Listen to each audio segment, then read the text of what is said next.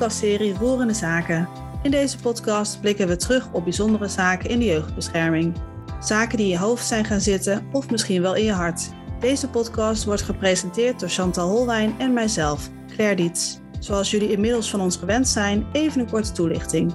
Wij spreken allemaal op persoonlijke titel en respecteren de privacy van de mensen waarover wij spreken. Daarnaast is het goed om te weten dat dit het verhaal is van de persoon die hierover vertelt en hoe hij of zij dit heeft beleefd.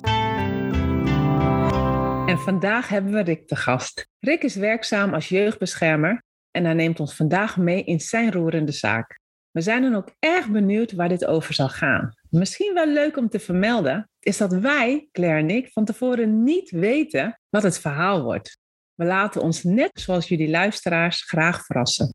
Rick, van harte welkom. Dank jullie wel. Rick, voordat we naar jouw roerende zaak gaan, hè, kan je ons vertellen wat voor professional jij was toen je betrokken raakte bij jouw roerende zaak? Was je een groentje? Was je al lang in dienst? Neem ons even mee. Ja, nou, toen ik met deze zaak te maken kreeg, was ik denk ik twee jaar in dienst bij wat toen nog Bureau Jeugdzorg heette.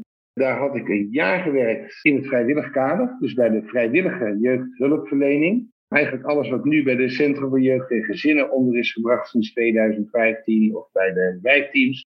Maar dat zat toen allemaal in ons eigen huis bij Bureau Jeugdzorg. En na een jaar ben ik naar de jeugdbescherming gegaan.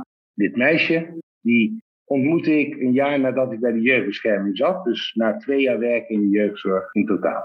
Dus ik was redelijk groen in dit werk, zeker, ja. En neem ons even mee, hè? Het gaat over een meisje, dus dat heb je nu al verklapt. Wat heeft jou zo geroerd? Eigenlijk alles uh, waarin een kindje kan ontroeren. En ze ontroert me nog steeds. Daar zullen we later op terugkomen. Het gaat om haar veerkracht, het gaat om haar kracht. Eigenlijk in de, in de andersom, in die volgorde. Het gaat in eerste instantie om haar kracht. En haar veerkracht in tweede instantie. Haar humor, haar creativiteit, haar eindeloze tot aan de dag van vandaag pienteren, naspeuren. Hoe is het allemaal met mij in dit leven gelopen? Daarnaast, behalve dit meisje, hebben ook haar ouders mij heel erg ontroerd. En vooral haar moeder.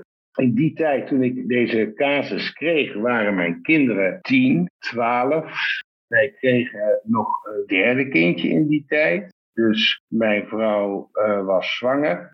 Kortom, ik had zelf een gezin wat nog kortom volop in ontwikkeling was. Uh, alle twee waren we denk ik drukke, ambitieuze ouders die heel erg hielden van ons vak. Totaal verschillend. Ik in de jeugdzorg, een vrouw in onderwijsprojecten, cateringbedrijven. Uh, nou ja, eigenlijk alles wat voor haar voeten kwam. Dat is nog steeds zo. Dus we hadden een heel levendig huis waarop alle tijdstippen van de dag er werk kon zijn. Wij op pad uh, konden zijn. Maar daarbinnen was er toch in al die chaos een hele erg uh, uh, kloppende structuur in ons gezin. Waarin we heel erg dicht bij elkaar stonden. Ja, dat is wel belangrijk ook voor het verhaal. Omdat iedereen in mijn gezin weet over wie ik het met jullie ga hebben. Het heeft ook invloed op gehad op jouw privéleven of het heeft door elkaar gelopen? Ja, het, het heeft een, mijn privéleven uh, weet wie zij is en is daarmee begaan. En zij is uh, ook een beetje met ons meegelopen. Ja. Ze heeft niet alleen jou geroerd, ze heeft je hele gezin geroerd. Zeker, ja, absoluut. Ja. En als we dan terug even naar het begin mogen, hè? dus uh, ergens ben je betrokken geraakt bij dit meisje en haar, en haar ouders. Wat was de situatie? De situatie was als volgt. Het meisje was drie toen ze in haar bedje lag.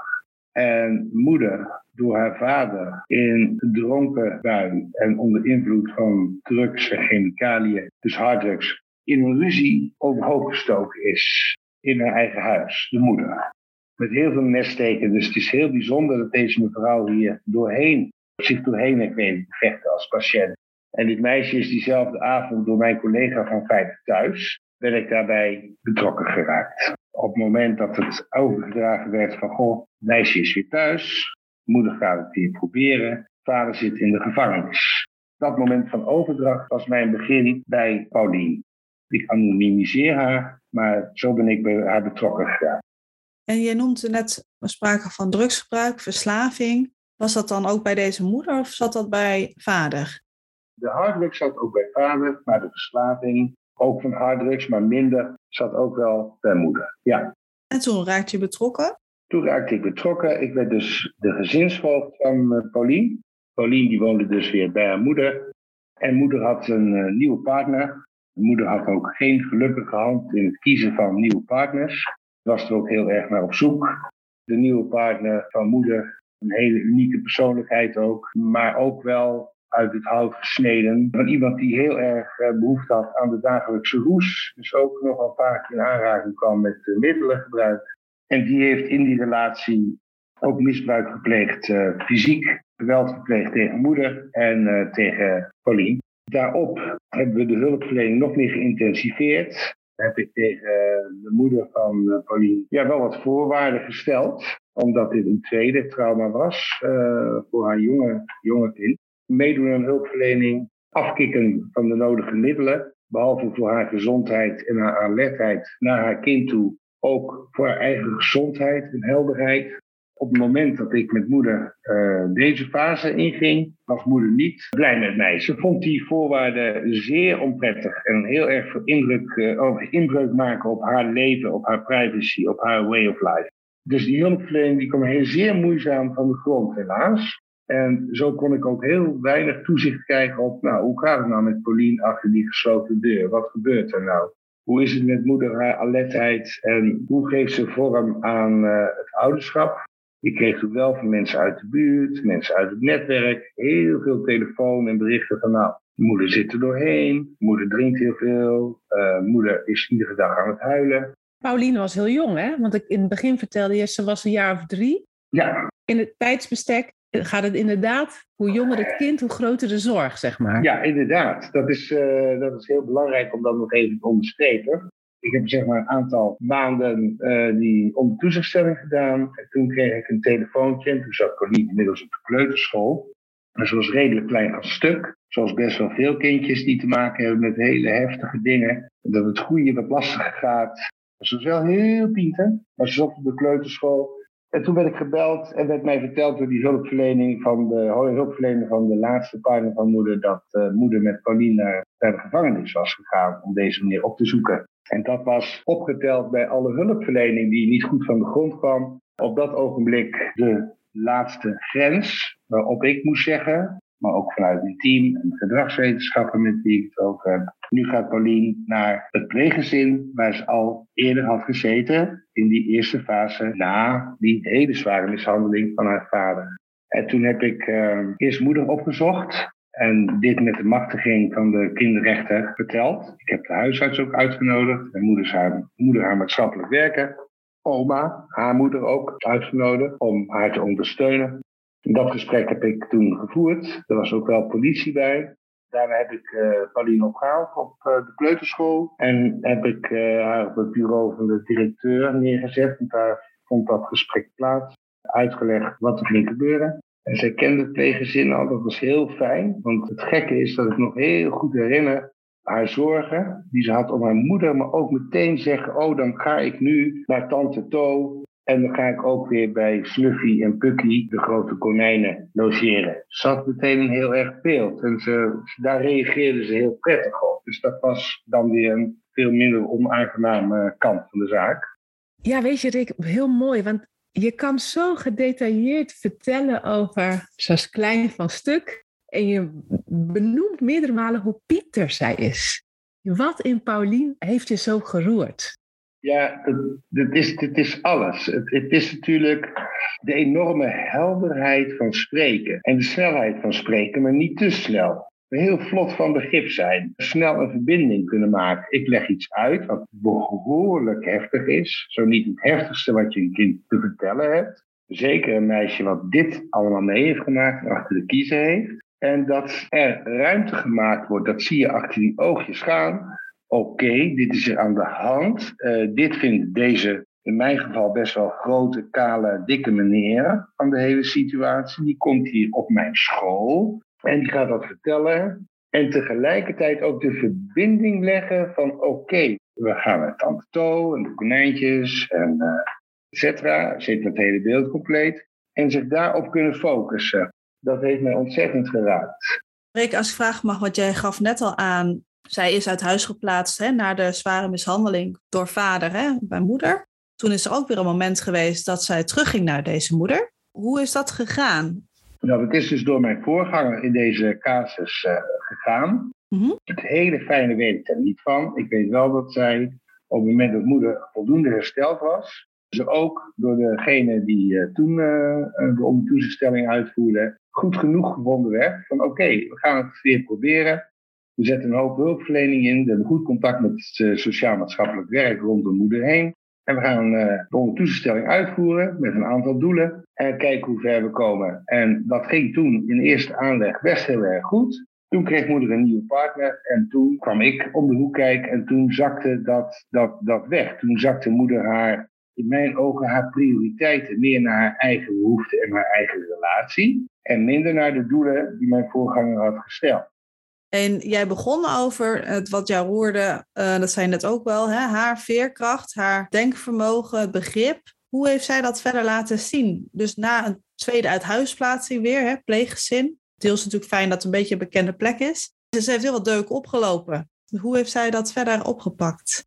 Nou, door een bijzonder blij en positief kind te zijn. Altijd. Dus altijd enthousiast te zijn. Weer naar een volgende school eigenlijk, hè, wat, wat, de school ook deed hoor, haar met open armen ontvangen. Maar Pauline heeft ook altijd de nieuwe mensen en hulpverlening die ze ontmoet, ook altijd met open armen ontvangen. Ze was bijna nooit in het, in het verweer. En toch heel kritisch, want ze stelde altijd uh, goede vragen. Ze liet ook niet over zich heen lopen. Zo bedoel ik niet. Maar ze was altijd, wat er ook gebeurde, optimistisch, ik kan dit, ik ga dit doen, ik heb daar plezier in. Van boeken lezen tot dierenverzorg, alles. Ik kan me niet iets herinneren waar zij een hekel aan had.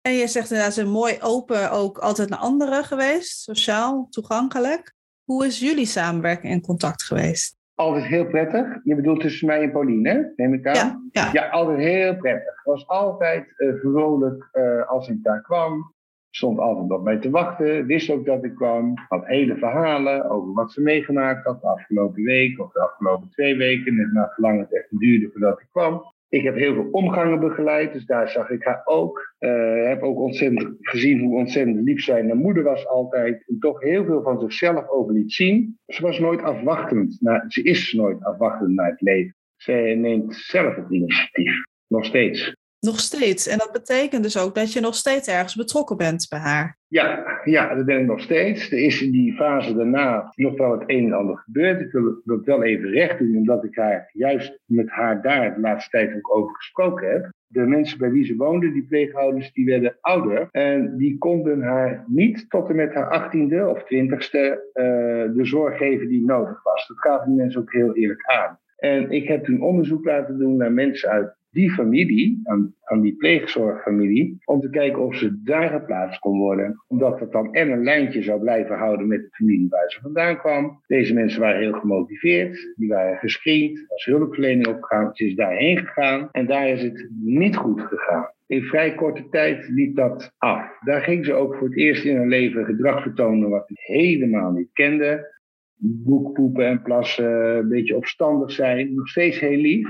En die mensen hebben van de een op de andere dag, uh, niet van de een op de andere dag natuurlijk, want er gebeurde wel wat, maar voor mij toch wel redelijk snel en onverwacht gezegd, uh, kom haar maar ophalen en ze moet hier weg. En deze mensen woonden 200 kilometer uit de buurt, dus die heb ik, ik heb Pauline opgehaald. Maar toen ik haar ophaalde, toen was er niemand van mijn collega's meer aan het werk. En uh, ik ben heel eigenwijs, ik heb geen rijbewijs, dat ga ik ook niet halen. En toen heb ik mijn vrouw gebeld ik zeg, ja, uh, ik uh, zit hier en hier mee. En nou, die kwam er meteen aan, maar die moest ook nog een catering wegbrengen. Dus wij hebben met z'n tweeën haar naar het gezinshuis gebracht. En uh, mijn vrouw Anna, die, die wist natuurlijk wel wat voor werk ik deed. Maar op het moment dat je zo'n klein meisje wegbrengt en met haar, want ik ging dan het intakegesprek even doen, hè, je weet hoe dat gaat.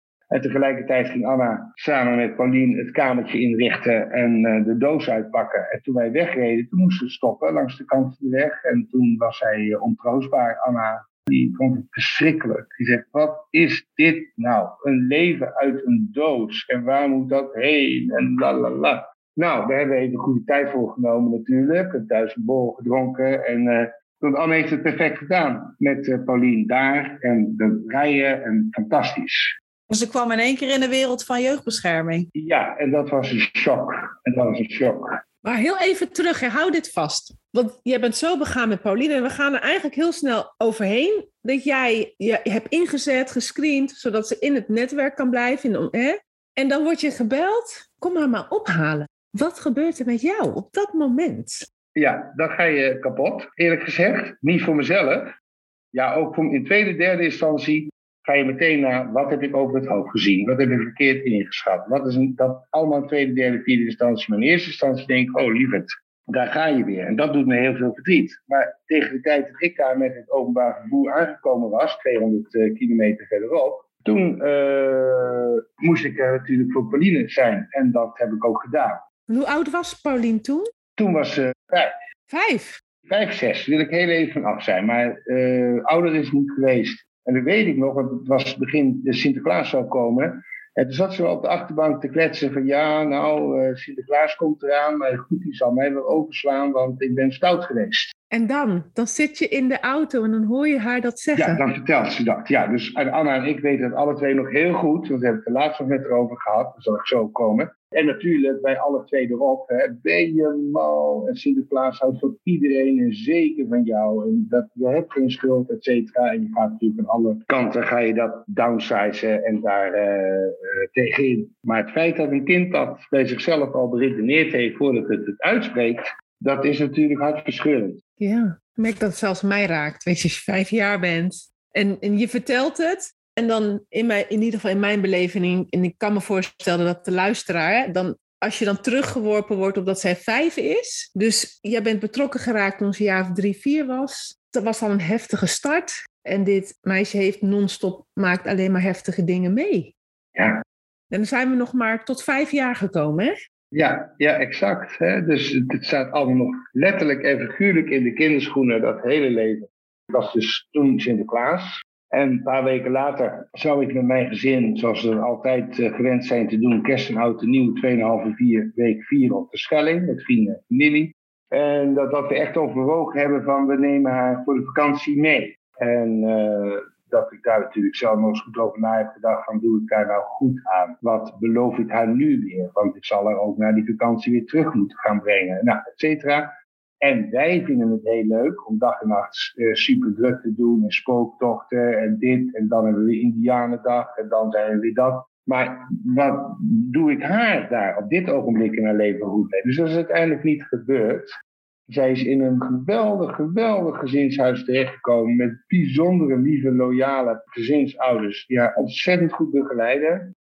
En nu uh, we zoveel jaar verder zijn, vind ik het wel heel leuk ook om uh, te merken dat, uh, ondanks dat ze natuurlijk nog heel jong is, we al best heel erg aan het uh, terugkijken zijn. Dus zij gaat nu, ja, ook middels therapie, bepaalde dingen voor zichzelf terughalen. En wil weten uh, wanneer er iets is gebeurd en wat er is gebeurd. En waarom haar moeder niet mee kon in bepaalde hulpverleningsvarianten hoe die zittingen zijn gegaan, hoe die hele ontheffing tot stand is gekomen. En, uh... is, dat alleen voor jou of weet je, ze is met jou aan het terugblikken?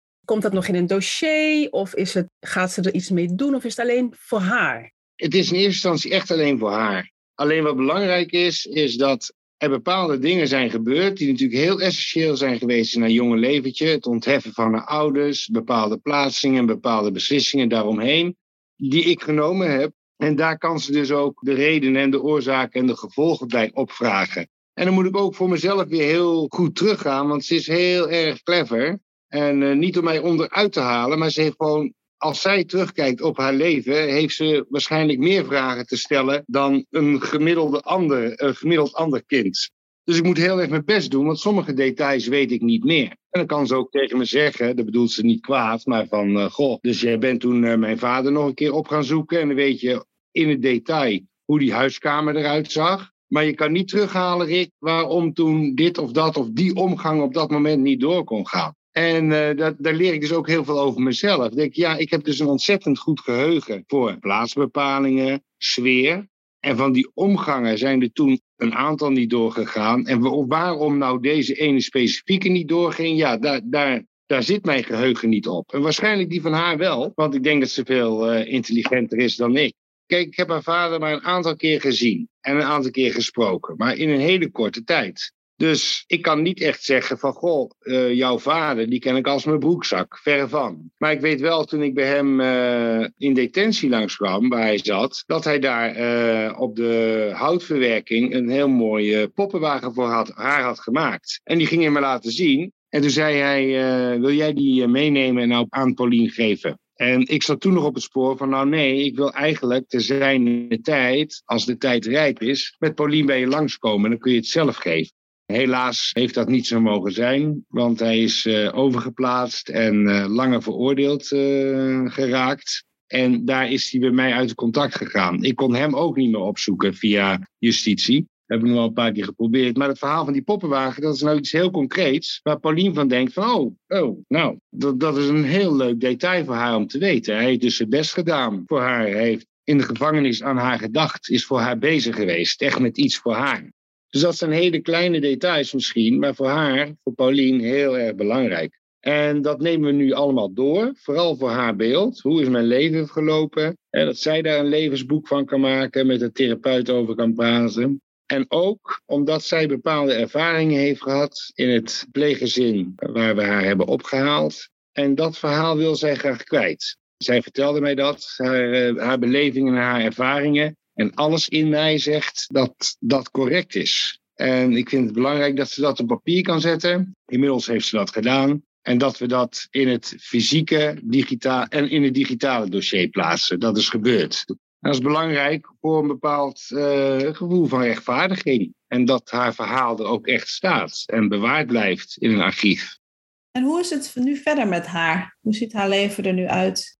Fantastisch. Ik had haar toevallig net nog op de app, want zij werkt nu uh, bij een, uh, in een restaurant. Dus ik heb gezegd, nou dan kom ik graag met mijn, uh, met mijn vrouw en eventueel met mijn kinderen bij je eten. Dus ik zeg, heb je, heb je je zomerrooster al? Maar ja, ze gaan natuurlijk op vakantie en zo. En, maar goed, daar komen we wel uit. daar is ze dus heel trots op. Ze werkt heel veel en dat doet ze met ontzettend veel plezier. Dat zie ik er ook helemaal doen. Ze doet het verschrikkelijk goed op school.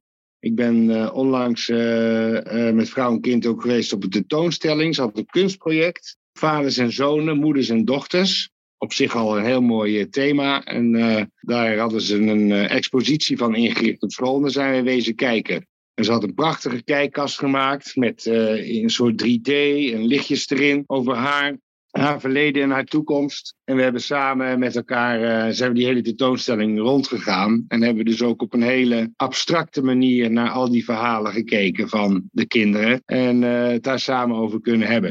Het is een heel bijzonder kind. En ze zal ongetwijfeld zo de boosheid hebben. Dat lijkt me ook heel gezond. Ik zie die niet. Het is altijd hartelijk. Het is heel erg uitnodigend en uh, positief. Ze heeft echt een beeld voor ogen Waar wil ik naartoe? Waar ben ik goed in? Dus als ze dan met mij die afspraak loopt te maken. In eerste instantie was dat nog bij haar uh, in het gezinshuis. Van, oh, dan kom ik wel een keer eten, zei ik. Oh, gezellig, vind ik leuk. En toen zijn andere bewoners van, ja, dat, wat is dat voor raad? Je gaat er niet je gezinsvoogd uh, of je voogd uitnodigen bij jou op je werk. En dan zegt ze ook, ik ben trots op mijn werk. Dat zegt ze meteen. Dus ja, ik vind dat hele goede, hele goede signalen. Er is het minimale aan schaamte en het maximale aan trots en aan kansen. Rick, wat is er gebeurd tussen jullie? Want moeder is niet blij met jou, op zijn zachtst gezegd. Mm Maar Paulien des te meer. En we weten natuurlijk allemaal dat uh, loyaliteiten, dat het heel ingewikkeld is voor kinderen. Wat ja. heb jij gedaan? Wat doe je nog steeds? Waardoor zij toch ook in contact met jou blijft.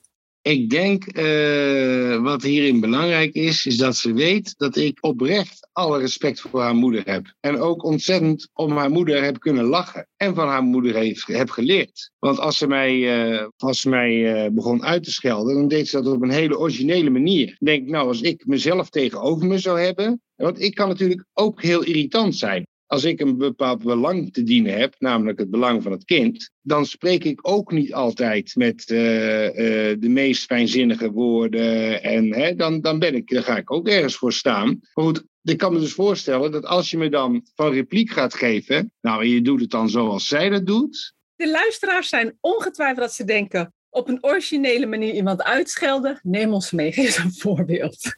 Nou, op een gegeven moment was het ook, ja, dan blijf ik natuurlijk met haar vragen en ik blijf met mijn argumenten komen tegen die van haar. En ik, ik betrap de moeder, eerlijk gezegd, ook nog wel eens op een leugentje zo nu en dan. En daar confronteerde ik haar dan mee. En daar schrok ze dan van. En dan werd ze op een gegeven moment helemaal gek. Uh, werd ze op een gegeven moment helemaal zat. En dan kon ze echt van zich afbijten dan ging ze een soort rollenspel doen. Waar we serieus in gesprek. En dan ging zij heel ironisch mij nazitten doen. Hoe ik haar op dat ogenblik aan het bevragen was en aan het confronteren was. En dat deed ze dan, terwijl ik helemaal niet als een, als een kleuterschooljuffrouw sprak. Maar ze voelde zich natuurlijk wel een beetje als kind betutteld. En dan ging ze in, in een soort kleuterjuf mij nazitten doen. Ja, zo komisch. Maar ook nog wel met, met een verbale begaafdheid. Ja, dan kon ik gewoon wel in mijn broek pissen. En toen zei ik, nou gaan we even poseren. Jij gaat even buiten een sigaretje roken. Ik ga even mijn ding doen. Oh, ik krijg straf. Ik krijg straf. Ik moet onder de klok staan en uh, zo. Maar ik, daar kon ik ook tegen de zeggen. Ik zeg, ja, maar luister. Als jij zo tegen mij gaat praten, dan moet je niet raar opstaan te kijken dat ik in de lach schiet. Dan ga je doen alsof ik je niet serieus neem. Ik neem je juist serieus. Want ik, ik ben genoeg met jou in verbinding dat ik, hier, dat ik hier ook om kan lachen. En goed, en ze komen ook op een, op een verschrikkelijke manier uitschelden. Ik weet niet of dat voor de podcastluisteraars nou zo interessant is. Maar laat ik zeggen, ik ben genoeg Utrechtse jongen van de straat. om toch nog verrast te kunnen worden door sommige scheldwoorden. Dat ik denk, ja, ik geloof dat ik mezelf ook wel zo zou kunnen noemen in een boze bui. En wat heb jij daarvan geleerd of wat heb je ervan meegenomen? En wat ik ervan meegenomen heb, is dat, dat mensen heel boos op mij mogen en kunnen worden. Maar als ze me aan het lachen blijven maken, heb ik toch nog wel een lijntje.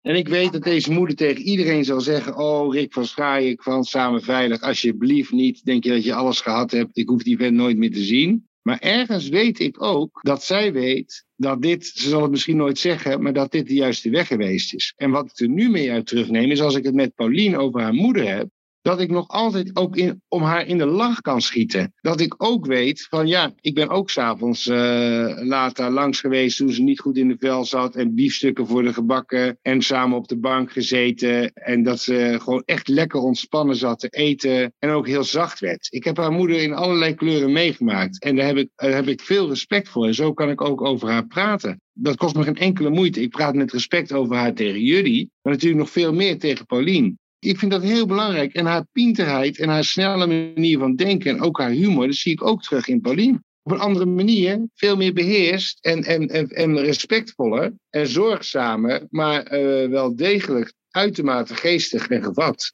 Weet die moeder hoe belangrijk zij ook voor jou is geweest? Ik heb haar op twee momenten dat wel proberen te zeggen. Alleen ik weet niet heel goed wat die moeder uit die uh, gesprekken precies heeft meegenomen. Als me dat nog een keer gegeven is, zal ik haar dat zeggen. Ik weet in ieder geval dat ik het tegen Paulien zeg, zodat zij het weet. En dat als zij er nog eens met de moeder over praat, ze kan zeggen: Ja, maar Rick denkt toch wel zo over jou. En Rick, jij praat heel erg mooi over hè, hoe jij uh, ook jouw gezin, zeg maar, onderdeel heeft ja, laten worden van, van de situatie van Pauline en jouw samenwerking. Het klinkt dan heel erg een, mix van privé en werk. En we hebben het er vaak over gehad in de podcast van hè, hoe hou je de balans nou tussen werk en privé. En bij jou lijkt dat heel erg door elkaar heen te lopen. Is dat uh, gewoon hoe jij bent? Uh, kenmerkt jou dat? Of is het specifiek alleen in dit geval bij Pauline? Nou, het, het is specifiek dit geval van Pauline. En in 15 jaar nog, nog twee of drie andere zaken. Maar mijn kinderen en, uh, en Anna, die hebben helemaal niets met het werk. Laat staan met wat ik s'nachts in mijn crisisdienst meemaak of wat ook. Eigenlijk zeggen ze tegen mij: het, is mooi, het zou mooi zijn als je er eens mee op ging houden. Maar de zaken waarin het wel goed gaat, daar, uh, en zoals, zoals de zaken Pauline of zo, dat is een bekend, uh, dat, dat is wel een bekend uh, verhaal. En die, dan, zijn, dan zijn ze ook mee. En dan vind ik het fijn dat ze in zo'n situatie dat ook een beetje aan kunnen raken. Pauline heeft hun ook geraakt. Ja, zeker. Haar leven, haar verhaal, haar doorzettingsvermogen hebben Sarah Max geraakt. Maar ook toen Sarah mee was naar die tentoonstelling, dan zie ik dat die twee met elkaar heel snel contact hebben. En heel leuk ook met elkaar kunnen lachen om de wereld die ze in verbeelding in die tentoonstelling hebben gemaakt. Wat hun beide toekomst is. Is dat voor jou een, uh, een, een, issue in je werk, uh, de afstand, nabijheid, werk, privé? Nee, voor mij niet. Nee, voor mij niet. Ik weet heel goed wat ik werk moet houden. En ik denk dat ik ook goed weet waarin ik gerust een beetje meer mee mag leveren. En eens kan kijken of we samen iemand kunnen verhuizen. Of uh, oh, die, die plaatsing is in het weekend. Nou, dat doe ik uh, dan wel eventjes toch zelf op deze manier. Of uh, ik verantwoord het allemaal. Hè? Dus het, iedereen, het is allemaal heel inzichtelijk. Maar nee, dat ligt bij mij niet zo, zo strikt. Rick, wat zou jij luisteraars, toekomstige werkers, collega-werkers mee willen geven? Heb er vertrouwen in als je dit werk gaat doen. Dat als je jezelf vertrouwt, dan heb je jezelf dus ook altijd bij je in dit werk. En dan heb je ook altijd je hart bij je. En dat wil helemaal niet zeggen dat het één grote gevoelsmatige herrijking is. Want je hebt ook palen en perken te stellen. En het wordt ook soms wat groffer, wat harder, wat scherper. Maar er is altijd ruimte voor een hele mooie zachte kant. In de meest grote ellende is er ook iets breekbaars. En als je jezelf bij je hebt en je hart bij je hebt, dan kun je daarin een weg op gaan met elkaar.